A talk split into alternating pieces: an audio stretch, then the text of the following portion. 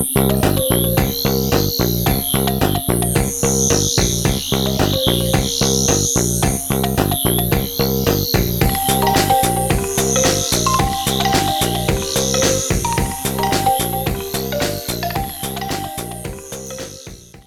lytter nå til en podkast fra Kongsberg bibliotek. Jeg heter Oda Cornelia Knutsen, og i dag så skal vi få en ny podkastepisode under tittelen Romanprat. Og den boka vi skal høre om i dag, den er skrevet av Rachel Cusk og heter Et tilfluktssted. Med meg til å snakke om boka har jeg forfatter Lise Knutsen. Velkommen til deg. Tusen takk. Nå er jeg veldig spent, for det er jo du som har eh, gjort lesinga her. Hva slags type roman er et tilfluktssted? Oi, nå begynte det veldig vanskelig, egentlig. For um, dette her er en veldig god roman. Det er et sted å være som jeg likte veldig, veldig godt. Ikke bare fordi at det var gode følelser, men fordi at det, det er så klart utforma hva slags følelser disse personene har. Eh, de er sammensatte.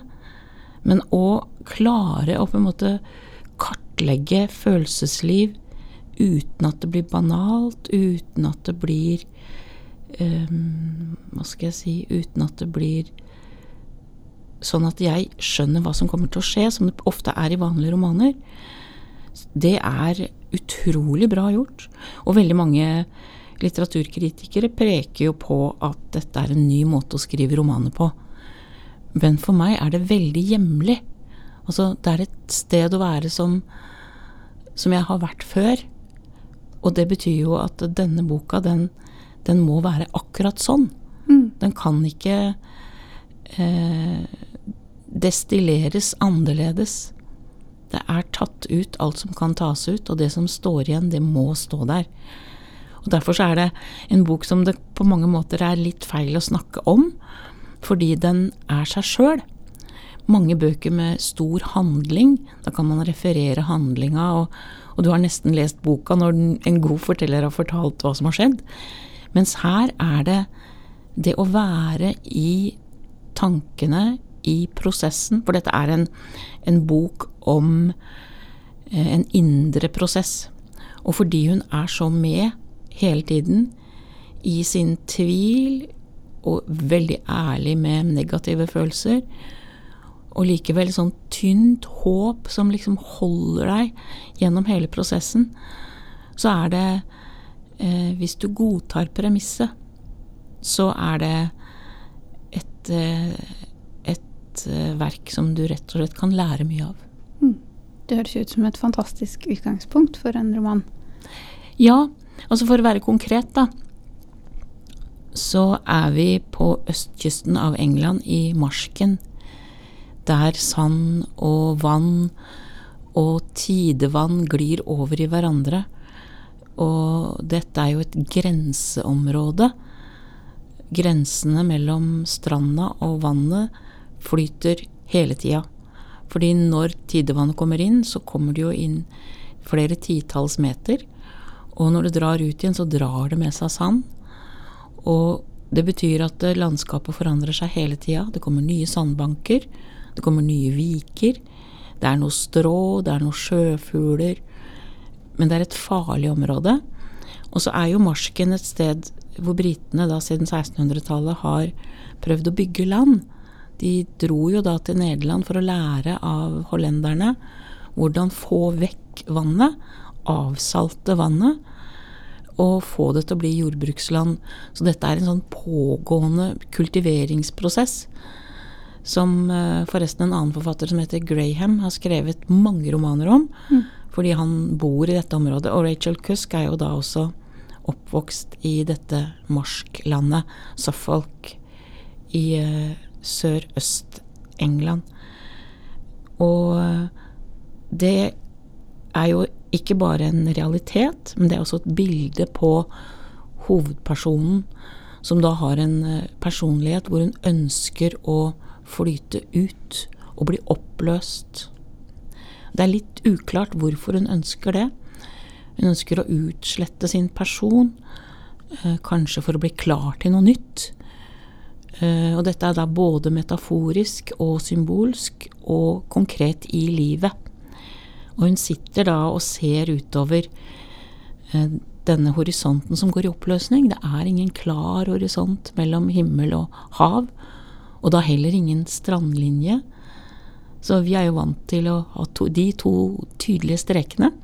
Men her glir det over i hverandre, og denne foranderligheten, da, det er noe hun lever i egentlig veldig godt, sammen med Tony, som er hennes ektemann, som da driver en gård, en marsk gård. Og han er jo, ja, kanskje en idealisert ektemann. Han er eh, stor og sterk og taus, med et hjerte av gull. Eh, og de har jo møtt hverandre etter at de har blitt 30, etter at hun har fått barn og blitt skilt og, og hatt det fælt. Eh, så han er jo hennes tilfluktssted, som denne tittelen på norsk er, da. Og hans gård er hennes tilfluktssted. Eh, og så har han bygd en egen bygning på eiendommen som hun kaller det andre stedet, second place. For at hun skal få et sted å innkvartere venner, gjerne kunstnere som hun har behov for å prate med og utveksle seg selv og kunstneriske erfaringer med. Han har ikke det behovet. For han gjør sitt arbeid og hviler i arbeidet. Han, hun beskriver han, han står og gjør hardarbeidet med jorda, og så reiser han seg, og så ser han utover landskapet. Og han er en del av marsken. Han er veldig knytta til dette området. Så det er to helt forskjellige måter å være i verden på. Mm. Han rotfast, og hun som egentlig flakser i sitt indre hele tida, men fordi hun trenger Tony, så prøver hun da å få verden til seg i, gjennom mennesker som er da på det andre stedet. Men eh, et tilfluktssted, ja. En kan jo tenke at hun da flykter fra noe, eller er det mer i betydning at det er et trygt sted? Begge deler. Ja. Eh, for bakgrunnen hennes er jo at eh, det, boka begynner med at hun treffer djevelen på toget fra Paris. Ja. Og det er da en guløyd, kvapsete, vulgær mannsperson som har en liten tingest av et kvinnevesen på sitt fang som knapt er et barn, som er da sminka, og som han driver og tafser på, og han setter seg vis-à-vis -vis henne. Hun flytter seg, han følger etter. Hun flytter seg igjen til ny vogn, og han følger etter. Ingen gjør noe. Og hun anklager seg sjøl for at hun den gangen ikke grep inn og fortalte han at han måtte gå. Mm. Men hun følte hun var i et fremmed land, hun var i Frankrike. Og for en gangs skyld så ville hun ikke ta ansvar. Så hun lot han forfølge henne. Og det er jo da en understreng som klinger med. For eh, seinere så er hun i Paris og har et eh, lite barn hjemme i England. Det blir ikke sagt noe om hvorfor hun er der, men hun er i en personlig krise. Uh, det handler kanskje litt om at hun føler hun ikke er attraktiv nok for menn, selv om hun har en mann der hjemme. Så hun eh, går ut i den tidlige Paris-morgenen, og så ser hun noen bilder med eh, en henvisning til et lite galleri. Og så følger hun de bildene, og så kommer hun til det galleriet. Og der er det malerier som hun føler snakker til henne, eller er en del av henne. Altså hun, hun føler seg hjemme. Hun føler en dyp forbindelse med disse bildene. De blir ikke skildra som spesielt vakre. Mm. Mer diabolske, med en voldsom kraft og en kjølighet, og ikke bare kjølighet, men en kulde. Men, men denne kulden og denne kraften gir henne kraft. Så at hun på en måte våkner og klarer å ta hånd om seg sjøl, og så drar hun hjem, og så har hun disse bildene, eller opplevelsen av bildene, opplevelsen av det rommet hun skapte i seg sjøl, i 15 år. Og i løpet av de 15 årene så har hun da skilt seg, så har hun truffet Tony, som er marskbonden, og er lykkelig med han.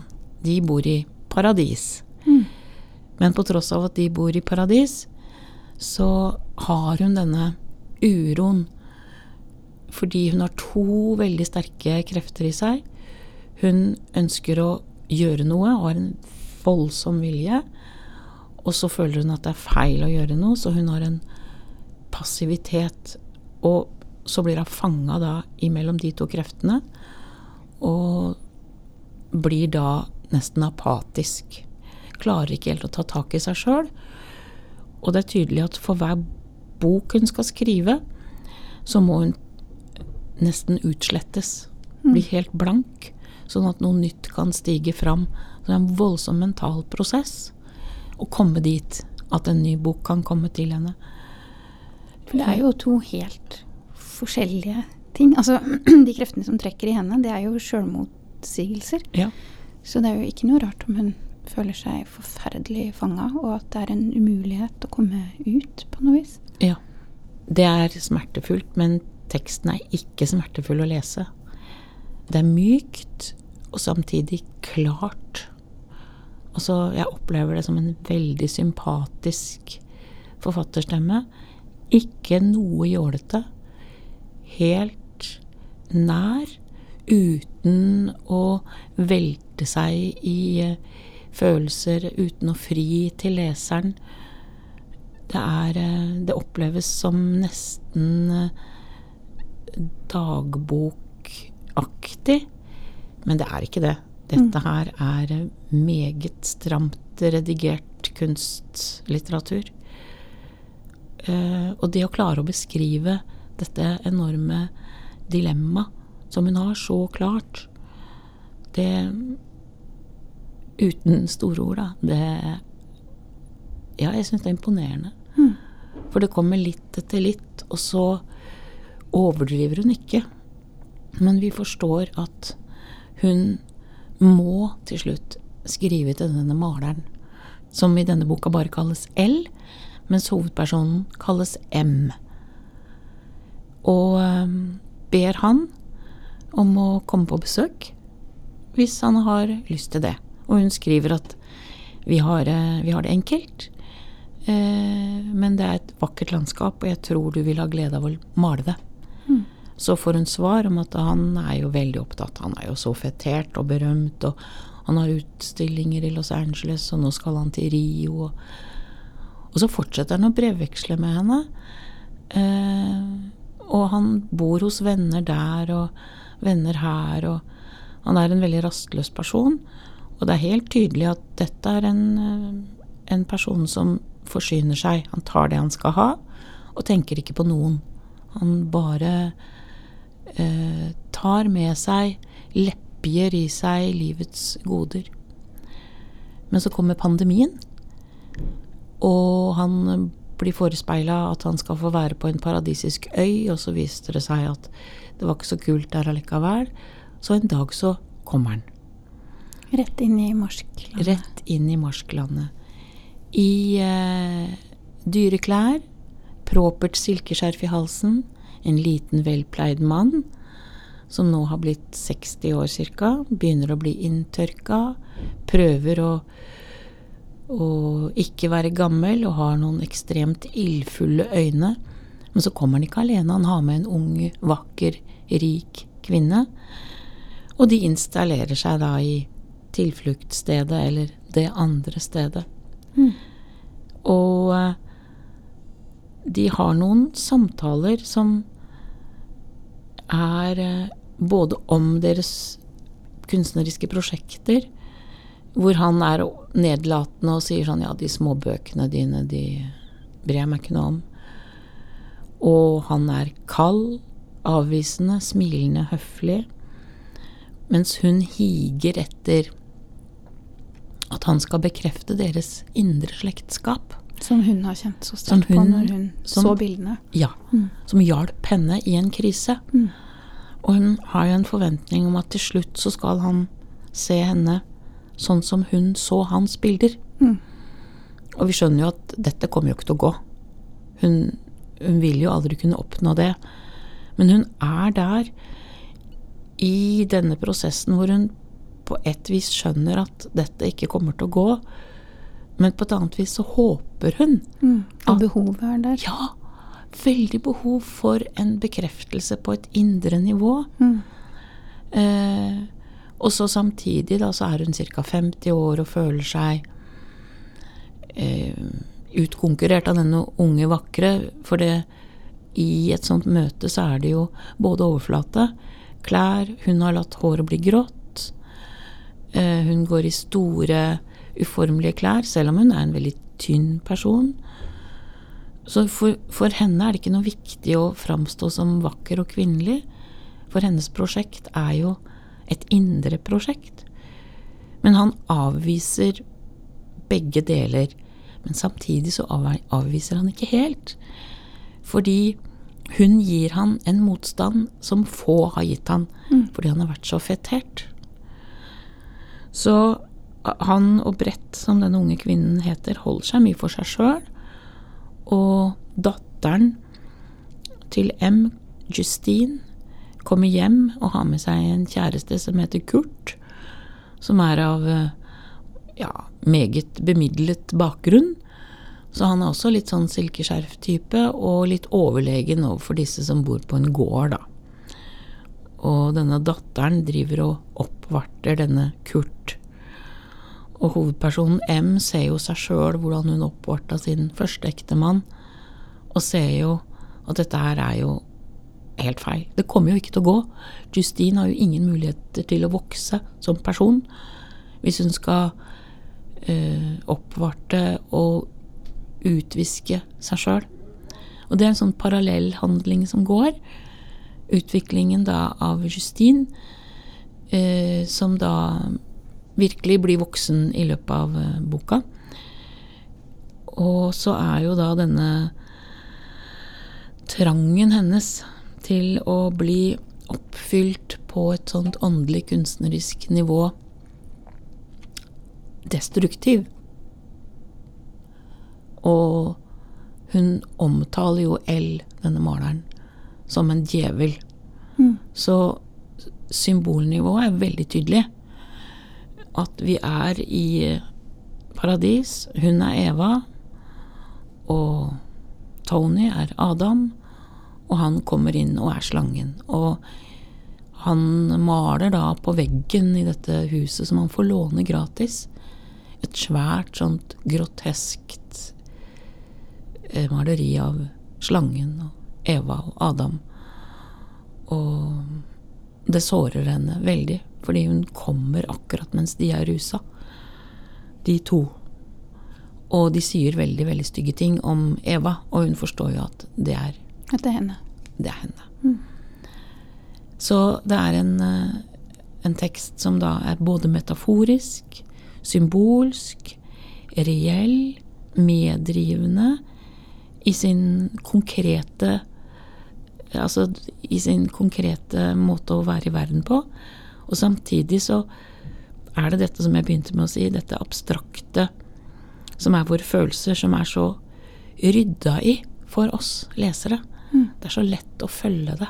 Så hun går ikke gjennom hele registeret, sånn som hun kan være vant til fra andre romaner, eh, hvor forfatteren mer sånn satser på at her må et eller annet treffe leseren på et eller annet nivå en eller annen gang. Altså på et vis så er alle nivåene samtidig til stede, men eh, hvis du søker etter en eh, handling som er veldig dramatisk, så er det bare ett dramatisk sted i denne teksten. Mm.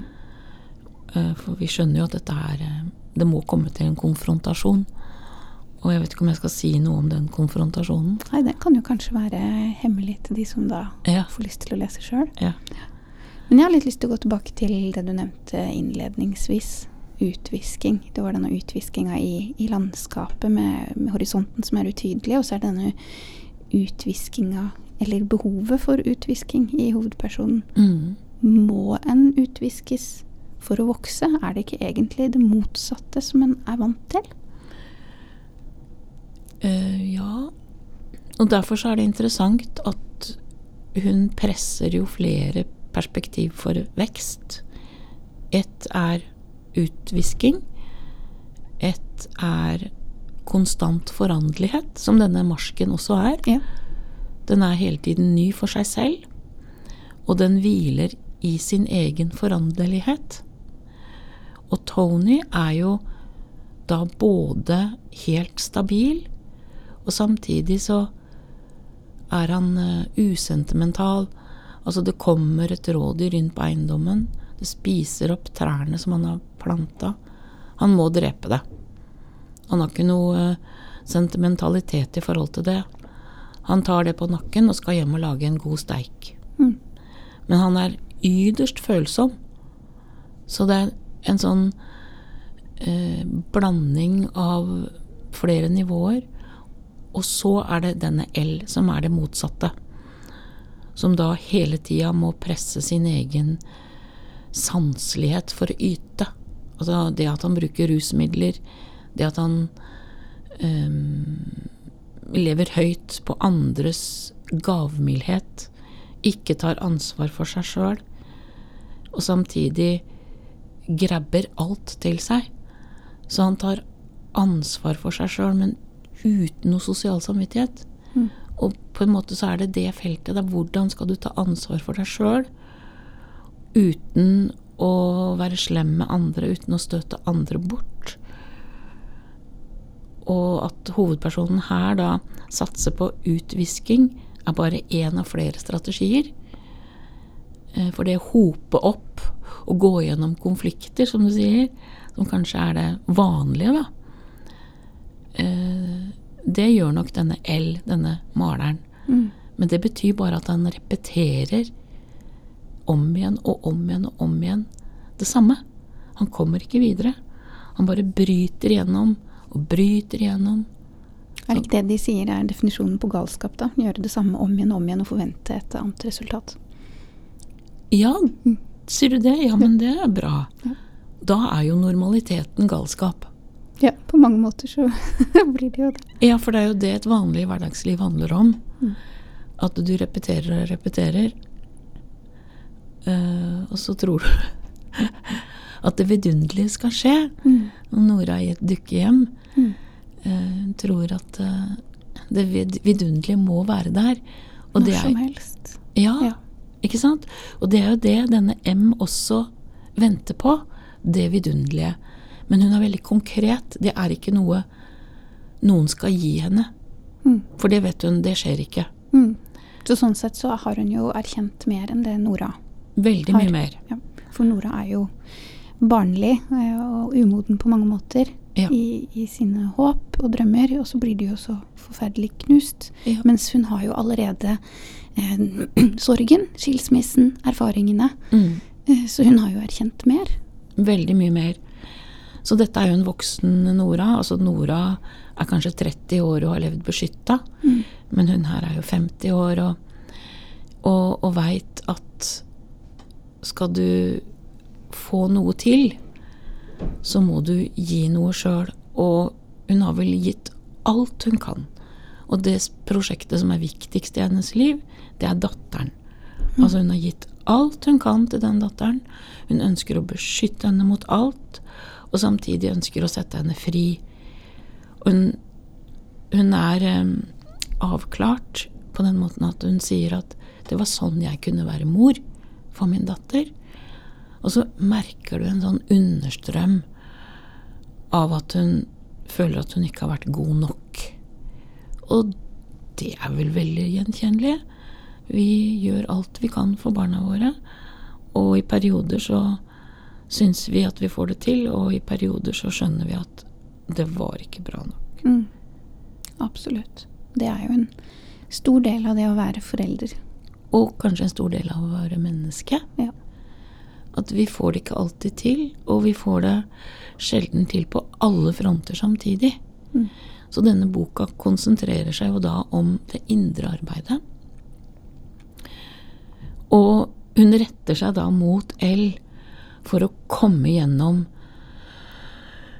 Kanskje vi kan kalle det en sandbanke i seg sjøl, å ta i bruk marskens eget uttrykk, Mm.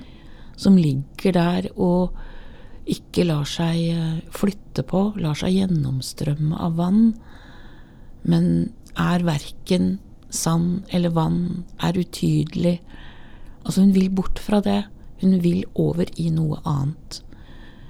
Og samtidig så veit hun jo at det hun og Tony har, det er det viktigste i hennes liv. Og hun har denne dattera hos seg. Så hun På en måte så innrømmer hun at hun er kravstor. Mm. Hun vil ha enda mer. Men så er det det som er kjernen i hennes liv. For hun går ikke rundt og dyrker jorda og fisker fisk. Altså det hun gjør, er å gå rundt og tenke. Og da må hun jo ta tanken på alvor. Mm. Men allikevel så, så venter hun. Håper. Ja, tenker på disse, disse kvinnene som venter. Mm. Kan de ikke ta tak sjøl? Altså, er de avhengig av L eller en annen ytre, ofte mannlig kraft eller person for at det skal komme noe endring? Mm. Eller at et håp skal innfris? Jeg tror jo ikke det, men i denne teksten her, da, så er det jo det som undersøkes. Ja. Fordi hun har jo denne solide mannen ved sin side, og likevel så tror hun at den diabolske nålen av en kald mannsperson på en måte skal få det til å gå hull på henne. Mm. Så hun kan overskride seg sjøl, overskride det at hun er fanga i motsatte krefter. Og det er jo modig å, å tørre å erkjenne det vonde og gå det i møte med åpne øyne, istedenfor å legge lokket på. Ja, og hun iverksetter jo dette sjøl, og det skriver hun jo om. Det er jeg som har bedt han om å komme, Mm. ergo har jeg ansvar for det som skjer. Så hun tar fullt ansvar, fullt. i motsetning til han som ikke tar ansvar. Hun tar fullt ansvar for hele situasjonen, og når han får slag om å stelles, så er det Tony som gjør det. For han tar alltid ansvar. Han spør ikke engang, han bare bærer, vasker, steller. Så hun erkjenner at hun har fått dette til å skje. Uh, hun angrer ikke, det er bare så strevsomt å ha dette ansvaret for eget liv. Veldig, veldig strevsomt. Men har ikke vi alle det, da? Og det er jo det denne boka er. En, eh, et slags vitnesbyrd om hvordan det er å streve i, i livet. Og det er jo også en prosess som går et sted. For hun kommer jo ut med en um, fornya tillit til det hun har valgt. At det tross alt er eh, kanskje det beste hun kan oppnå. Men viktigere det beste å være i. Altså, hun skal ingen steder. Hun skal være i. I marsklandet. I marsklandet. I det utviska. Men kanskje ikke lenger i seg sjøl, da. Det er for den som Det hun leser sier finner ut etter hvert da, mot slutten, er at eh, jeg har hatt så sterk vilje, og jeg har hatt så sterke lidenskaper, som har drevet meg galt av sted. Men nå tror jeg at jeg har blitt en åpen kanal. Mm. Og da kan man jo tolke, da, om det er for at hun kan skrive igjen, eller at hun har gått gjennom en renselse som menneske, eller om hun mener noe annet som for oss er uforståelig. Eller kanskje flere. Ja, Flere av de nevnte. Men det som er interessant, denne boka, den er skrevet som en bekjennelse. Hun er på et tilfluktssted som ikke er sitt eget tilfluktssted. Hun er hos en person som heter Jeffers. Og hun forteller alt dette her til Jeffers, som er en praktisk og åndelig mann som driver et eh, tilfluktssted, altså et retreat, Mm. hvor folk kan komme og hente seg inn. Og det er viktig for henne da å fortelle ham dette. Og de er gamle venner fra langt tilbake. Og hele tida så er det denne åndelige dimensjonen eh, som er til stede. Det er mye som ikke nevnes, eh, men man kan eh, lese mye inn av naturforankring, av religiøs forankring, men først og fremst av at menneskene forankrer hverandre i noe trygt, som likevel alltid er foranderlig, da. Så er det noe som er veldig bra. Det er ikke noe sex her. Men det er så herlig å slippe sånne kleine sexscener. Ja. Nei, det blir jo fort veldig, veldig kleint og klamt. Ja. Eh, veldig deilig. Det er fint at hun har hoppa over det. Kanskje, kanskje hun vurderte sånn at det ikke trengs i det hun skal fortelle, undersøke. Nei, altså de har jo eh, en krise mm, seg mellom Tony og, og M. Og da er det Det hun gjør, da, er at hun er på rommet sitt. Han har reist fra henne. Og hun maner hjertet sitt til å snakke med Tony. Så da sitter hun på rommet sitt og snakker med Tony. At hjertet hennes skal snakke med Tony. Så de ringer ikke hverandre. Det er det hun gjør. Så Mm. kommer han tilbake. Det som gjør at eh, denne teksten kan være god for mange å lese, det er at hun ganske tidlig påstår at hun aldri har vært likt. Ja. Det er en ganske modig påstand å komme med, for hvordan kan hun vite det? Ja. Og det klinger gjennom et par steder, sånn at vi har det med oss. Jeg forstår ikke det, fordi hun er en veldig sympatisk stemme. Men hun sier det at hun har aldri vært likt. Etter hvert brydde hun seg ikke noe om det, fordi de få menneskene hun likte, de likte henne. Er det en type forfengelighet, tenker du? Eh, Jeg tror heller det er å ta på alvor det de fleste mennesker eh, av og til eh, støter borti. At vi ønsker å bli likt. Og vi ønsker egentlig å bli likt av alle. Og så sier vi oss imellom ja, men man kan jo ikke bli likt av alle. Men mange av oss ønsker egentlig det. Mm. Og det å bli likt av alle, det kommer jo i veien for ditt eget indre prosjekt. For hvis du har som prosjekt å søke sannhet, som M har, hun søker sannhet, da kan du ikke drive og bli likt av alle, for da går alle kreftene bort til det. Ja, pluss at du ofte må da gå på kompromiss med deg sjøl, da. Du må- Kontinuerlig. Ja. Så det den boka da går imot som eh, toppunkt, det er jo når hun erkjenner at L, maleren, han avskyr henne.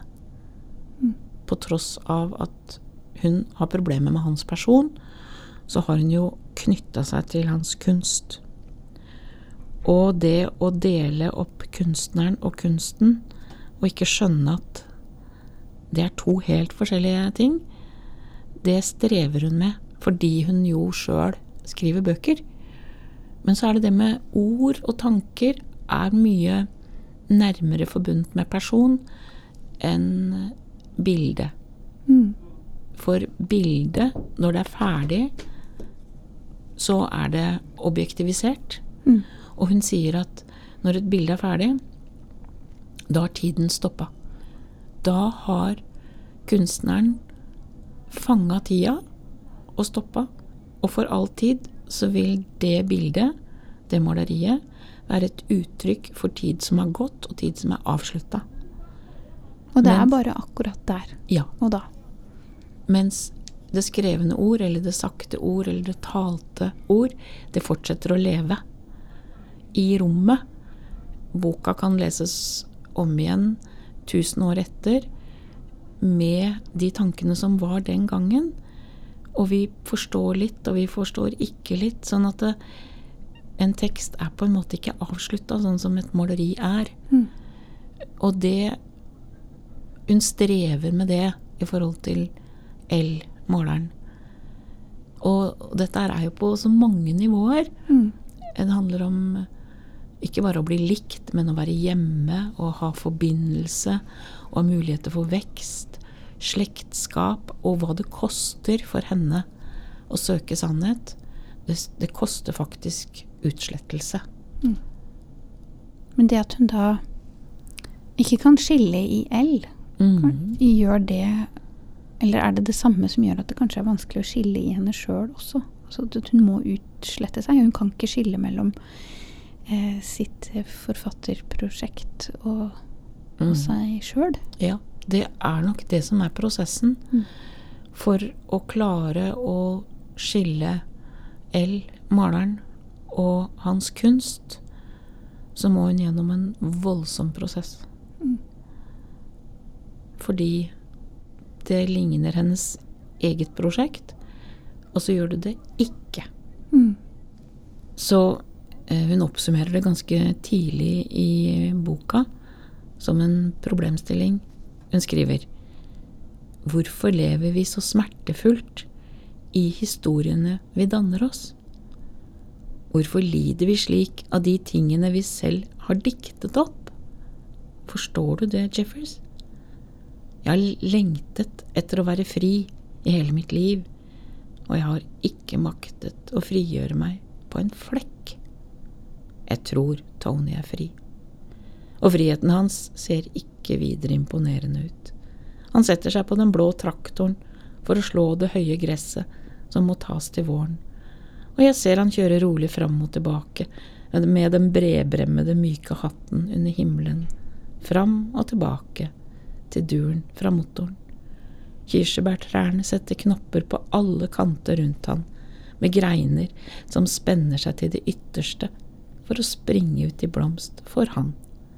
Og lerken farer mot himmelen når han kjører forbi og blir hengende der oppe og synge og virvle som en akrobat. Imens sitter jeg bare der og ser framfor meg, uten å ha noe å ta meg til. Det er alt jeg har drevet det til hva frihet angår. Å kvitte meg med folk og ting jeg ikke liker. Og etter det er det ikke stort igjen. Du hører jo språket. Mm. Det er veldig konkret. Eh, Det er eh, nært. Og det er eh, Agnete Øye som er oversetter. Og jeg har ikke funnet noen anglesismer eller slurvete oversettelsesting i det hele tatt. Det for meg virker det veldig, veldig organisk og godt gjort. Men jeg har jo ikke lest den på engelsk. Jeg har lest den på norsk. Mm. Men det må jo være veldig krevende å oversette ei sånn bok. En sånn tekst med alle disse nivåene og nyansene. For det er jo helt sånn på millimeteren. Og, og det konkrete nivået. Ja. Det må jo være skikkelig krevende. Ja, fordi dette her er jo filosofi på ganske komplisert nivå, men på skjønnlitteraturens premisser. Mm. Så språket må være like finstemt som filosofisk, men det må også være like vakkert som skjønnlitteratur kan være. Ja, i hvert fall det avsnittet du leste nå om frihet. Der er det jo så mye som klinger under, og så mange assosiasjoner en kan få til ja, frihet for hvem, på hvilken måte i seg selv, i naturen, økonomisk, juridisk, for kvinner, for menn. Det er jo så mye en kan ta tak i og bygge videre på i den teksten. Det høres ut som eh, du vil ha glede av å lese denne boka. Ja, det skal du ikke se bort ifra at det jeg også da gjør. Og hvis du fikk lyst til å lese, du som lytter, så er det bare å komme innom oss på biblioteket, så hjelper vi deg gjerne med å finne fram til enten Et tilfluktssted eller andre romaner av Rachel Cusk. Lise Knutsen, tusen takk for at du kom. Tusen takk for meg. Du har nå lytta til en podkast fra Kongsberg bibliotek. Jeg heter Oda Cornelia Knutsen og jeg takker for følget for denne gang.